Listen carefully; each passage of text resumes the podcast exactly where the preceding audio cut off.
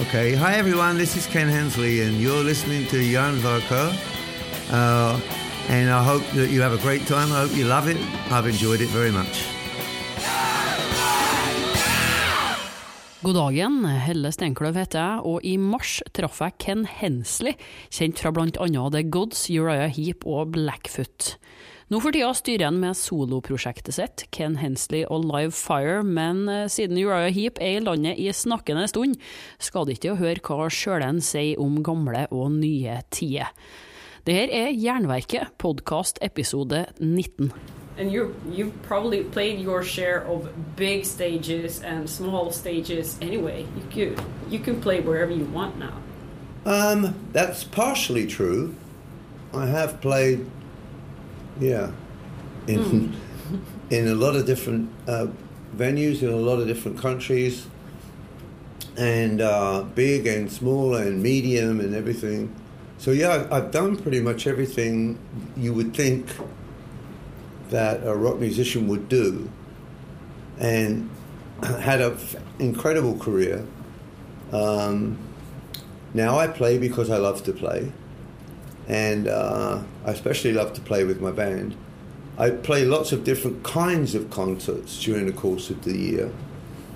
This year, for example, I'll play a concert in Switzerland with a German symphony orchestra and a children's choir from Switzerland.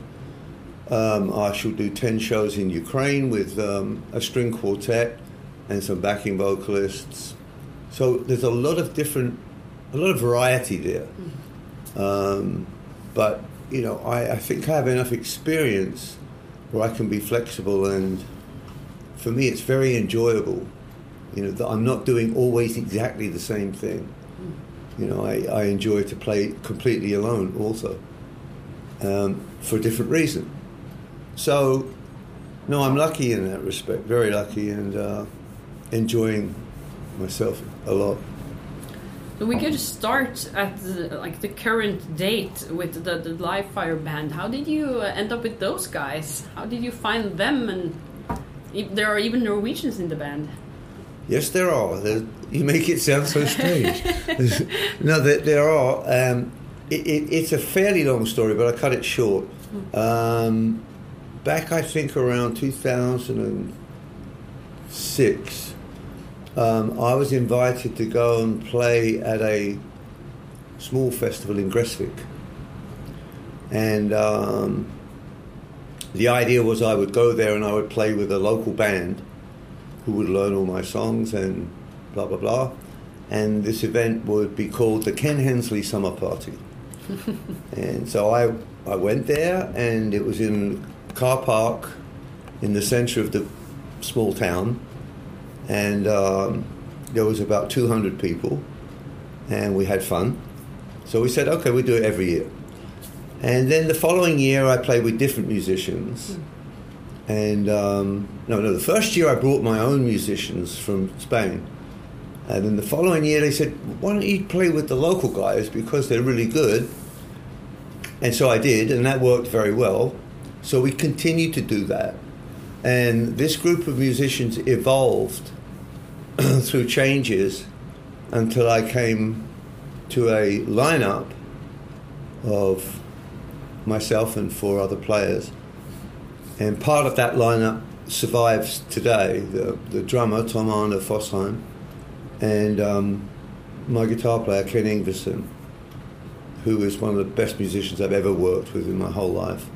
Uh, and then we had a singer from Iceland, and that kind of didn't work out too well. It's a shame. He has a good voice and everything, but it, he had some personal issues, and so we ended up with a bass player singer from Italy, Roberto Tiranti, and so it's a um, quite a colourful little, little lineup, but it's compact. It's just the four of us, and uh, but it's a very powerful band. So that's how this all came about, and uh, they are my favourite people to work with. I don't like to work with other bands or pick up bands or anything like that. When there's a band show, I want it to be with these guys. And let's go back in time. When did you know that you wanted to be a musician? You started playing the guitar, quite early. You were twelve. 11. Yeah, eleven. Yeah. Well, I, I wouldn't call it playing. I, I had my first guitar when I was 11. Um, I had just seen Elvis on the telly, uh, all these girls and everything, and I don't know. The idea of um, being a musician appealed to me strongly. Uh, maybe because there's music in my family, music in my blood. My mother's a or was a concert pianist, not professional, but extremely brilliant player. Dad was a good singer. So there was always music in the house and a lot going on. And so I think it subconsciously got into my head. And once um, I made up my mind this is what I wanted to do, then my football career kind of went to one side. Um, I had a contract with an English uh, professional football team when I was 16, Which one? Luton. Okay, so you actually could have become a football player. And, well, in those days they were in the first division. Now they're I'm not sure the 93rd division or something because they didn't have me. Yeah. But um, so that kind of got shoved to one side, which pissed my dad off. And gradually, music became more and more important. And so the decision was quite quick and quite early, but the actual activation of that decision took quite some time because I had to find people to play with, somewhere to live, a way to make money, um, a way to survive, and so on. And that was uh, that was a long process. How many years did it take before you felt that you could? Okay, I can I can actually live from this. I I, I can actually manage to, to pay my bills and still have some fun on the side. Uh, a long time, because in those days, when we're talking in like the '60s in England, um, pop music was the king. Um, guys with ties and short hair and and everything. Um, so, for somebody like me who had ambitions to play American blues-based uh, rock pop, there wasn't a lot of business. But I didn't care. I honestly can say that I didn't care. I lived in the van, so as far as bills were concerned, I just had to find something to eat and a, and a place to shower every now and then. But my bandmates helped out with that. Um, but it was determination. It was pure determination, and uh, at the expense of everything else, family and everything. And until we got to the point in '67 where we made our first record. The gods. Yeah. And um, so it began to pay off. And I could always see into the future a little bit. I could see a reason to keep going. And I didn't want to do anything else. I absolutely only wanted to play rock and roll. So it was going to take something um, enormous to move me from that position. So, like I said, you know, you sacrifice a lot you have to accept that family and friends and all the normal things in life will go away and have to be sacrificed in order to focus on this one thing enough with sufficient commitment. And I'm not talking about, you know, walking around expecting people to do things for you. I'm, I'm talking about doing what needs to be done. And uh, so once I settled into that mindset, I just went for it 100%. And now, when you look back at it, uh, you were one of those that uh, helped create a completely new genre with the, the progressive elements uh, mixed with uh, the blues and the rock and all that. At that time, you didn't know that you were actually creating something we would talk about today as a whole genre. Right. How, how, how do you remember how you worked and how you experimented at that time? Uh, That doesn't happen anymore. All genres they are already there. That's the Well, no, that's that's absolutely true. But there's kind of two or three questions in Yeah. in that one question. It it really came about because um, after the Gods, we made two records, and it's reasonable to assume they were fairly ambitious records and quite progressive, actually. And they established several things, elements that would find their way into Uriah Heep, the heavy vibrato harmony and things like that. But funny enough, that band never really achieved its full potential. And so at the end of the day, I found myself back where I was, pretty much living in the van. The time when I realized I could make money and survive like a normal human being was when I joined the guys in Spice, and that became Uriah Heep, which was June of, which was December of '69 actually. It was in January that we changed the name to Uriah Heep, but the management company was paying us a salary, fifteen pounds a week. Wow. Yeah, in those days it was a lot of money, but more than the money, it was some element of stability. I didn't have to look for anything else to do. I didn't have to go sell things on the market. I didn't have to go put up fences and all the things which I had done earlier. So now we had stability, energy, and the freedom to do whatever we wanted. And the post Vietnam uh, young people, that generation, just kind of basically adopted our rebellion. Uh, we did not sit down and say, we are going to create a new genre of music because not one of us would have known what the word genre actually means. I know now, but then it's a French word, and I, we didn't speak French, so it was like we didn't sit down and design this. What we did was we looked at what was popular, what was going on around us, and apart from the Who and the first traces of Led Zeppelin, there was just this sickening pop music. And so I think we took our influences and we just turned everything up to 11 and said, let's go for it. Grew our hair, wore outlandish clothes. Not really now, they're outlandish, but in those days they were. And uh, all of a sudden, this thing took off, developed a life of its own, and none of us knew what to do with it. The management, even the sound companies, they weren't making equipment big enough to handle the volume that we played at. Um, so there was no infrastructure there to deal with this sudden, powerful rebellion that was taking place between us and Sabbath and Purple and, and Moody Blues and all these bands which just came along and said, you know, we're just going for it. And there was great camaraderie. And it's part of the reason why now so many young musicians ask me about that time. Because, as you said, it cannot be repeated. Um, all this genre based stuff has developed to the point where it's mindless and the industry completely controls the music.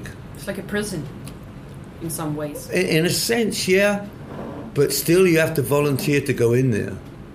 Uh, and um, you get occasional sparks of um, brightness and individuality, but um, it, it's very rare. And um, so many of my friends, good friends, great musicians from the 80s, Mike Portnoy, um, Billy Sheehan, and people like that, they always ask me about the 70s just because they know it can't happen again. What was it like before AIDS? What was it like, you know, when you didn't have to have laminates and everything? What was it like? What was it like? You know, they just want to know how it felt and organically it felt so incredible. Uh, and to look back now, as you point out, to look back and understand that we were um, in the leading edge of something completely new and different, which would set the stage for so much more in the future, is uh, amusing, confusing, um, but really thrilling. You know, to have the knowledge that um, I was part of that. is great.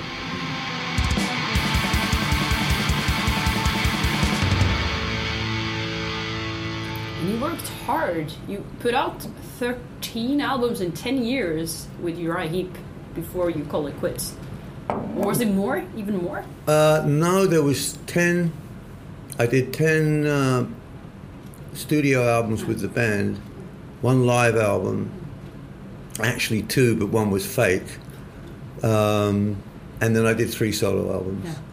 Yeah, we worked hard. It was unnecessary. We didn't have to work that hard. It was just the business was saying, okay, 10 months has gone, now we need a new album. And that means we need a new tour. And it, but we didn't care. Honestly, we didn't care. We were just so happy doing what we were doing. We would have just kept running until we fell over. It was fun. And none of us, we didn't know how much money we were making. We knew we were getting big checks, you know, every now and then, or I was anyway, because I was writing all the songs. But, um, you know, we played sell out the Philadelphia Spectrum, that's 20,000 people. I have no idea how much we got paid for that gig.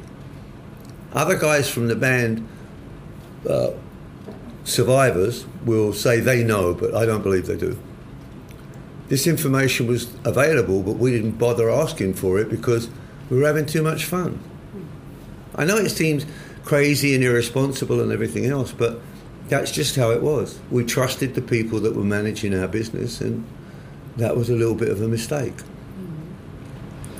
But what um, the the Uriah Heep uh, albums you participated on? Which one is your favorite, and which one is your least favorite?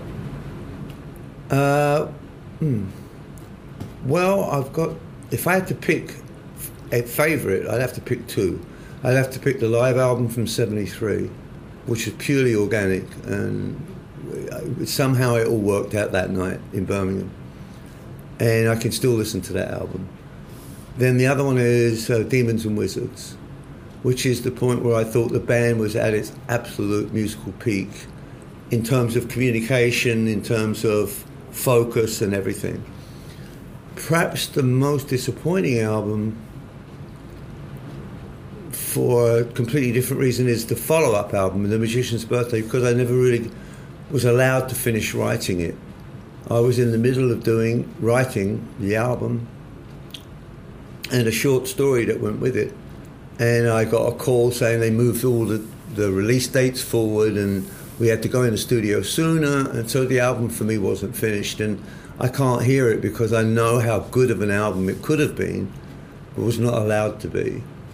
This was all part of the obsession within the industry for keeping the cash register fed.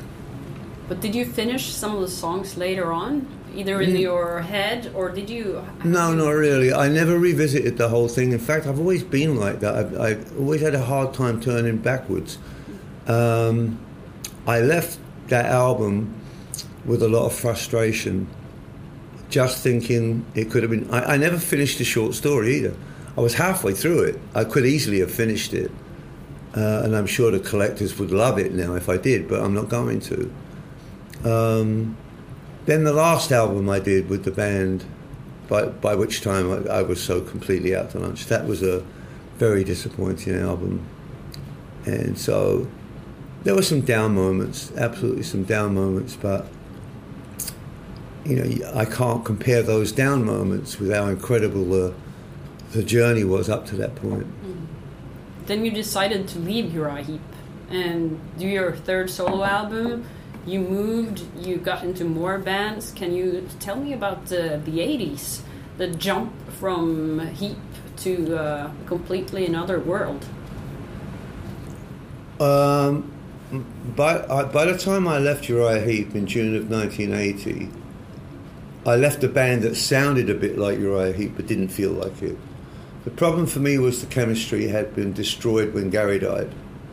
Well, Gary was actually forced to leave the band before he died, but that broke the chemistry in the band, and it never felt the same after that. Then on, on top of that, we had David uh, having become a total alcoholic, and that was another part of the chemistry, another part of the formula that was gone. So for me now, I wasn't in a band called Uriah Heep. I was band I was in a band that was named Uriah Heep, but should not have held on to the, the name because it bore no relationship to the band that built up the illustrious reputation and, and became part of rock and roll history. Small part, but a part. Um, so the last few years were difficult for me. At that point, I had turned to cocaine as a, a crutch. And so by the time I left the band, I was totally hooked on cocaine. I was completely lost. I didn't know who I was. I didn't know what I was going to do, Hella. I just knew I couldn't do that anymore. So after 10 and a half years, I just walked away. And um, I tried to do a solo thing. Uh, Free Spirit could have been a good album, but like I said, I was in bad physical and consequently mental shape at that time. And so uh, it wasn't the album it could have been. Uh, it's not terrible, but you know, I mean, it could have been better. Um, finally, after a year of fruitlessly trying to put a solo band together and everything else, I decided the only thing I could do was just go away completely, not run away, but but escape in a sense from everything that was uh, pulling me down. So I packed up and I moved to America. I already had um, a couple of homes there. I had an apartment and a cabin, and so I was perfectly at home there. And my objective was to kick my drug habit and find out who the hell I was. and uh, I thought a couple of years, and I can get back into business. So it took me nearly 16 years to find myself. It didn't take that long to get rid of my drug habit. That wasn't the hardest part. Um, but finding a place for myself. Who was I? What was I going to do? I knew what I had done, but I had absolutely no clue what I was going to do next. So it took a long time to find that. But you still uh, played during these years. Yeah, well, I don't count the, the, the couple of years I spent with Blackfoot because that was a. I don't know what that was. I think that was me trying to fill a gap which was not fillable. Um, and so this was very unfulfilling time for me. Here's were a, a bunch of American Indians um, who played Southern rock, um, which is the most simplistic form of of music, and uh, I say that even in the face of the fact that country music is very simplistic too. But my style of playing and my thinking musically didn't fit in. So even after two albums and trying my best, I found I, then I got the news that David had died, mm. and I just said no, I have to stop. And it wasn't until I found and I found a job, a regular job, and I, I did that for 15 years. But during that time, I began to write again. Uh, this has always been my, my platform primary before everything else, I'm a writer. So I started to write again, and wasn't very good, but you know, I enjoyed it. And then I had an opportunity to buy a recording studio in St. Louis, where I was living at the time.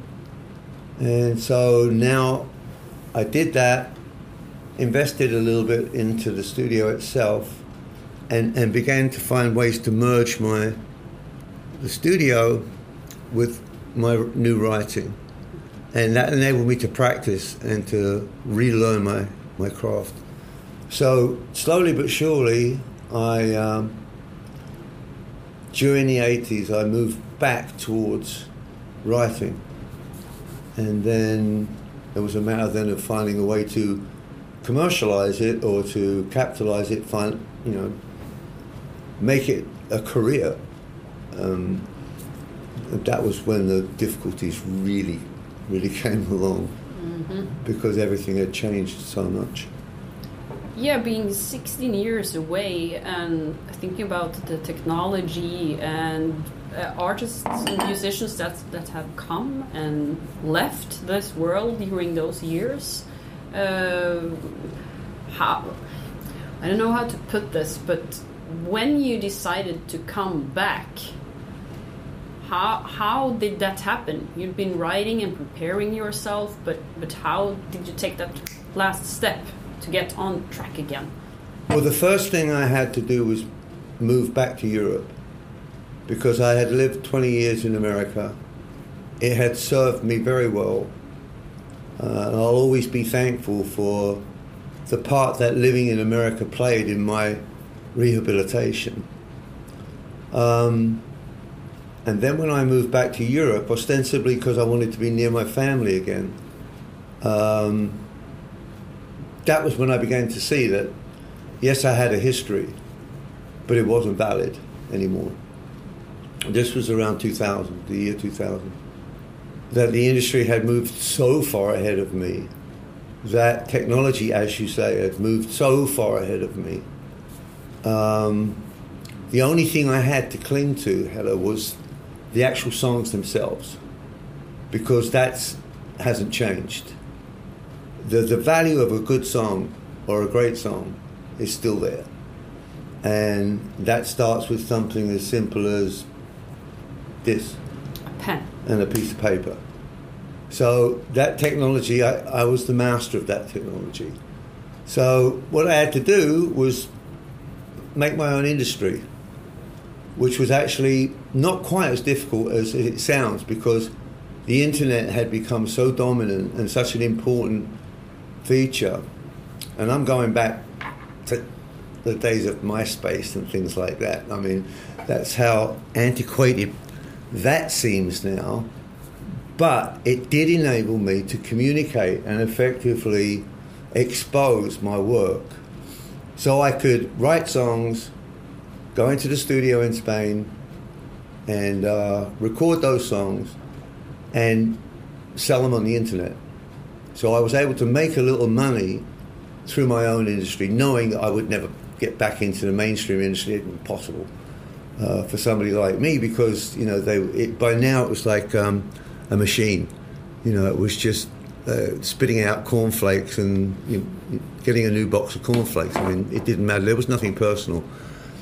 And what happened during that time, I hope I'm answering your questions effectively here, but what happened during that time was I was learning all the time more and more how to write songs which I knew were good.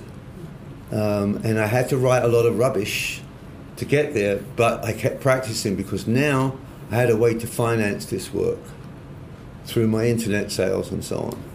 I wrote my first book and so on and so forth. But it was a battle, and um, I guess it lasted 10 or 12 years before then I started to play live again. You know, there was so many things going on, and by 2006 I found the guys in Gressvik, and now we're here in Oslo, and so that's where we've come from where I was. What was your first book? Was that the, the memoirs?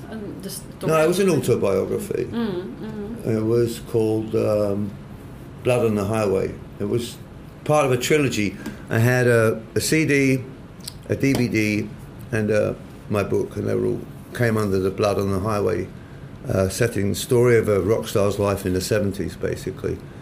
And um, the problem was I was working with a company, it was a great company, they financed everything, but what, what they didn't know how to do was market or promote anything. And so it didn't really sell very well, but that's kind of okay. It sold enough to justify its existence and move me to the next thing. I'm halfway through my next, my second book, which is much more honest and I think much more interesting. Um, but uh, my first book was really, really trying. I was so still desperately trying to avoid only talking about music. I was talking about my family, my family history, my school history, my hobby history, and everything else. But you know, somebody pointed out to me, "Look, dude, whether you like it or not, your history is, is rock and roll, and you can't avoid it. You have to. You married it, and you're stuck with it." and you still are doing it, rock and roll. Yes, I am, and it, and still enjoying it thoroughly. I'm, I'm enjoying it a little more now, I think, because I don't take it as seriously as I used to. In terms of my life does not depend on it. Um, music is my life, and I will prepare as hard as anybody you know to make sure that tonight when I get on that stage, I'm ready, and I'm going to give people what they want. Uh, no one will work harder on that than me. Uh, to the point where people always ask me, "Why do you still practice? Why do you?" And it's like they don't understand. Every show is different. I have to be prepared physically, musically, and mentally for every single show, as if it was the first one, and then play it as if it was the last one. So this is part of what I said uh, earlier, the professional dedication, the commitment. If you fail to practice, you are practicing to fail. And I know a lot of guys in my business that could have gone a lot further if they had been a bit more diligent. But I don't depend on it for a, a living. And so I enjoy it just that little bit more because I can I can kind of laugh and just say, you know, this is so cool. When I get up on stage tonight with the guys, it's going to be for me just so much fun, just because I I will remember during the course of that two-hour show everything I've done in the past. Little things will happen that will remind me of great things that happened in the past, and so it's much more than a concert to me.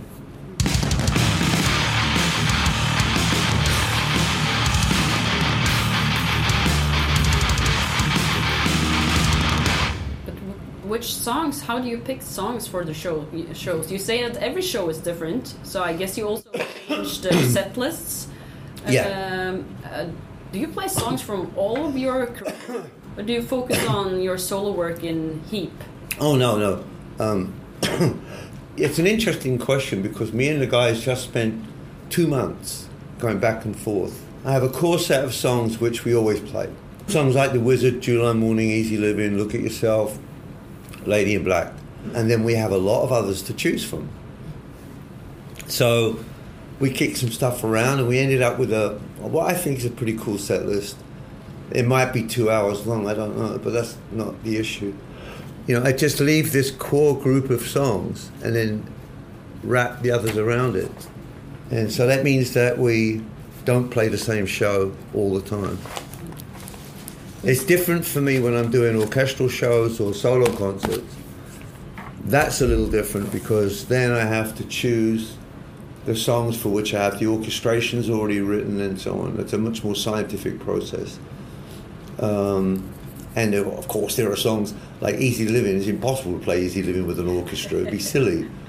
Uh, but songs like Circle of Hands are very effective with an orchestra and a choir. So, yeah, it's pretty good. I did Circle of Hands. I did The Last Dance and July Morning with the NRK Symphony here in Oslo a number of years back, and this was quite an experience. This was really a great experience. They had um, a director who was from Wales. His name escapes me now, but he was a fantastic conductor.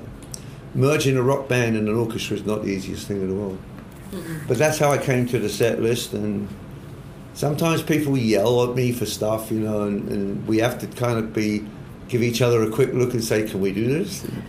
And then some, sometimes we say no and do it anyway, you know, because there's nothing to lose. You know, what, the- what the heck? You give it a try and you, you screw up, and so no, well, we tried. Yeah, my, my sister uh, told me to ask you, will there be any so- the God songs since it's 50 years since the Genesis album now? But none of those, I guess, then. No, uh, we don't go back that far. Uh, if there was something there which jumped out at me or compelled itself to me to think of, I don't even think I included that. This is the album I just did with BMG.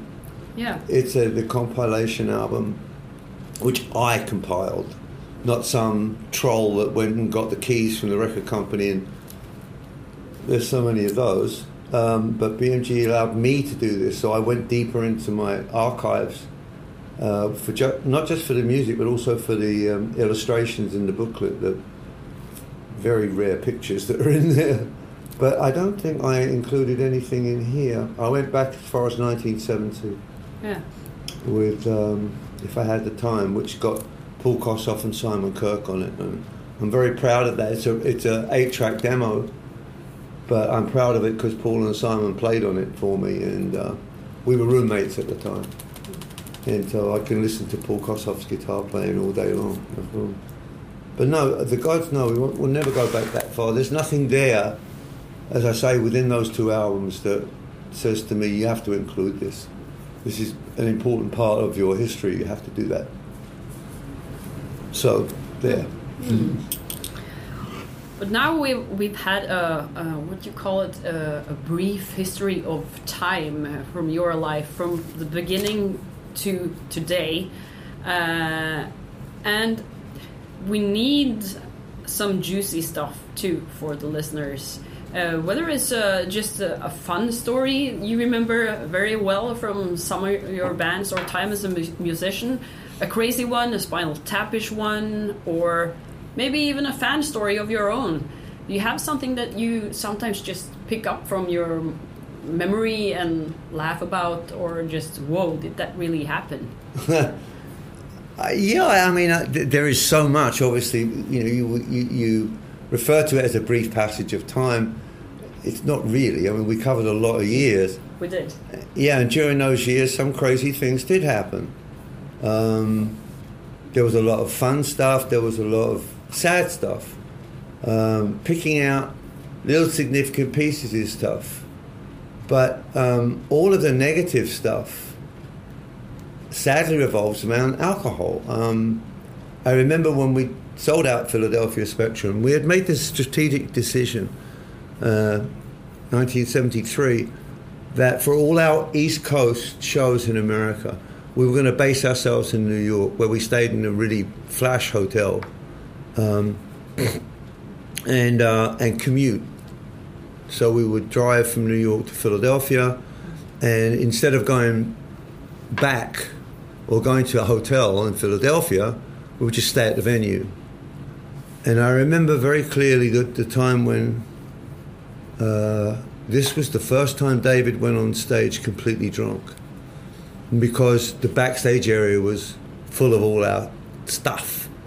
And uh, uh, he just finished off a couple of bottles of bourbon before we went on stage because there was nothing to do. This was a stupid mistake we were just sitting around twiddling our thumbs after sound check.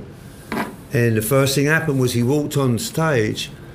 In darkness, we did the big dramatic, you know, epic dark thing. During which, at one point, Mick Box actually fell off the front of the stage and broke his wrist. This wasn't such a good idea, but you know, it looked good. um, and David stepped on the foot of the microphone stand. It came back, hit him in the mouth, and split his lip, which started bleeding. This pissed him off. He was already drunk anyway. And he cursed the audience the whole rest of the night. And that was the night he began pissing his career down the toilet and mine along with it. And it was in the middle of that tour that I decided to go home, that I wanted no further part of this. Um, and you know, audiences don't forget. Because the following year we went back to Philadelphia, minus David, and uh, we could, just sold out the Fox Theatre, which is 3,000 people. So we went from a 20,000, sold out 20,000 seat show to a barely sold out 3,000 seat theatre. People really don't forget stuff like that, unfortunately. But um, but we had to do some great. You got to remember, culturally, the world was a different place then too. And we showed up in St. Louis, Missouri, and um, we we wanted to have lunch, so we got off off the plane. We got in the limos. We went downtown. We checked into the hotel, and the record company, uh, the radio station people came and said, "Okay, we're going to go to lunch, and then we'll go to the radio station." And uh, that's cool. In those days, FM radio was really just a bunch of guys in a shack smoking dope and playing their favorite records for their friends. It was that pure. Um, and so we went to this restaurant, which was in the top of the Gateway Arch. And I don't remember whether it was a particularly good restaurant or not, but it, it was a revolving restaurant. Okay. You know, Riverfront Hotel. And uh, when we went up there with our manager, who was a perfectly straight English Jewish businessman, when we went up there, they wouldn't let us in.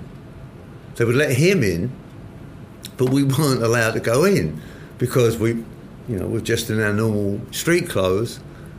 And so, so Jerry said, "Okay, come on, we'll go down to my room." So we went down to his room, and we all found like ties and some of his jackets and everything else. We went up there. I'm not kidding you. We looked like a bunch of clowns.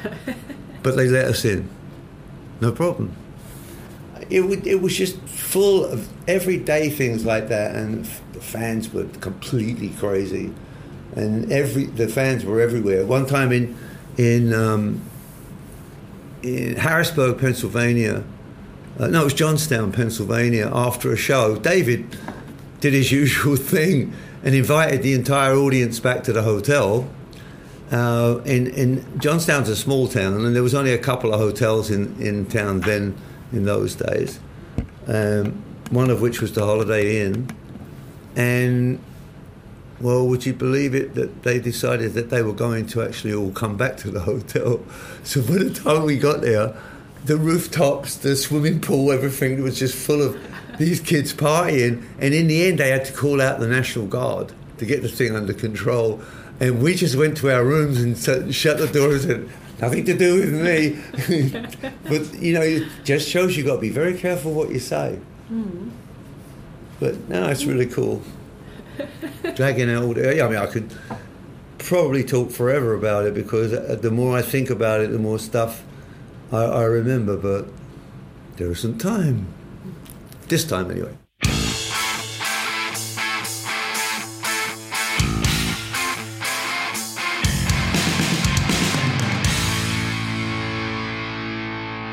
Um, I had a girlfriend here in Oslo. I don't remember her name. Uh, and for some reason or other, we kind of broke up.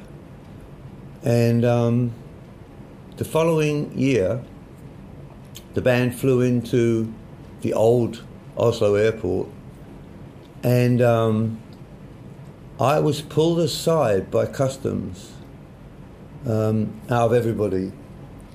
And um, they put me in this little room with all my stuff, and they said that they had been told that I was dealing drugs, and specifically cocaine, and they were going to search everything to find it. And they said, you know, you can tell us now where it is, and then it saves a lot of hassle. I said, I don't have any. It's not true.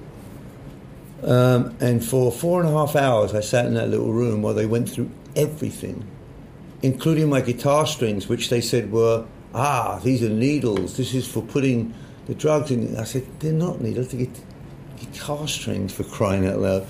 Look in the guitar. You, you see.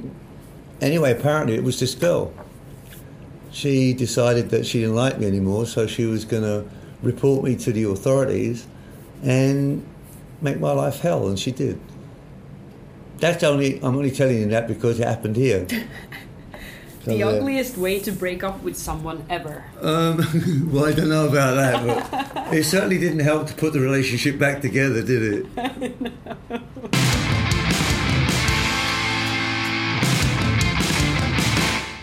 uh, we also need some songs for the radio version.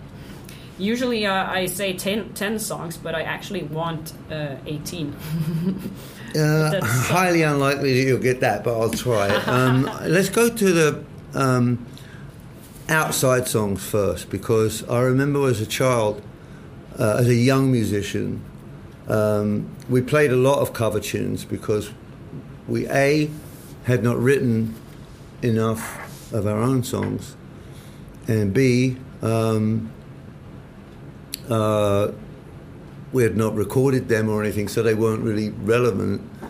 And a song which will always remain in my heart for a number of reasons is uh, You Keep Me Hanging On by Vanilla Fudge.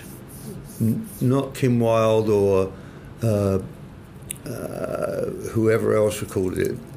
Um, none of that. It, it was uh, their version of that song blew me away. So in the Gods, we used to open our live show with that song, and later on, um, Timmy and Carmine, Tim Bogert and Carmine Appice, who were the rhythm section from um, Vanilla Fudge, they broke away from the band and formed a band called Cactus and Cactus actually opened for Uriah Heep on some American shows.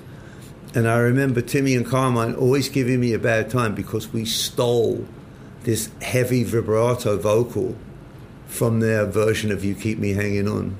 So it's not just a song that's a favorite song of mine and a favorite version of a favorite song, but it's also a song that has a, a real history uh, and is really valid.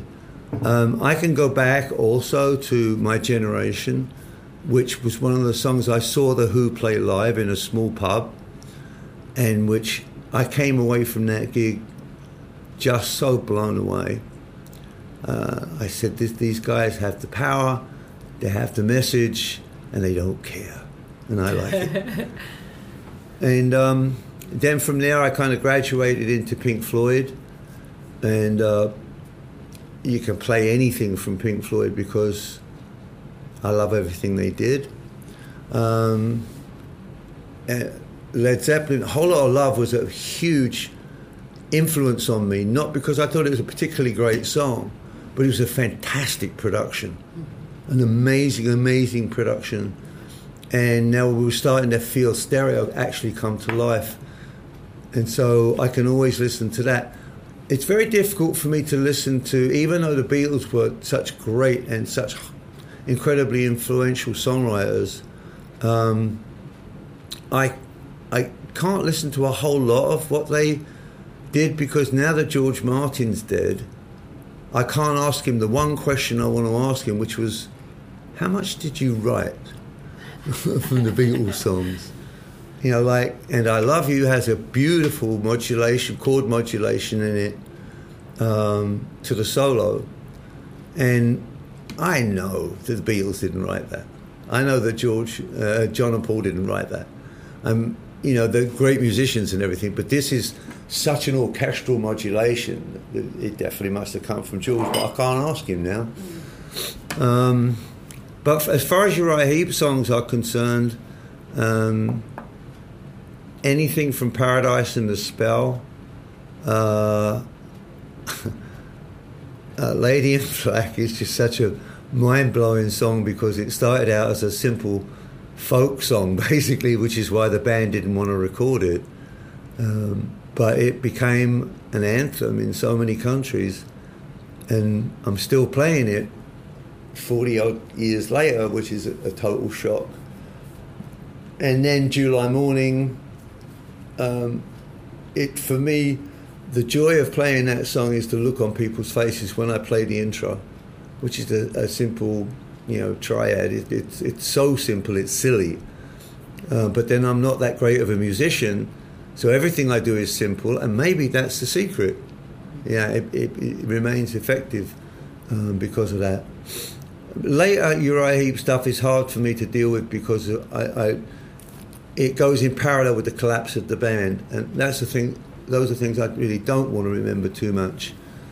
Um, but you know, from my solo work, well, um, again, I've included "Guilty" on on my compilation album, and the main reason is because first, I think it's a good song, which I didn't perform very well, and secondly, because Barbra Streisand actually auditioned that song Okay. for one of her albums and came this close to recording it. That now that would have been cool. that would have been really, really, really cool.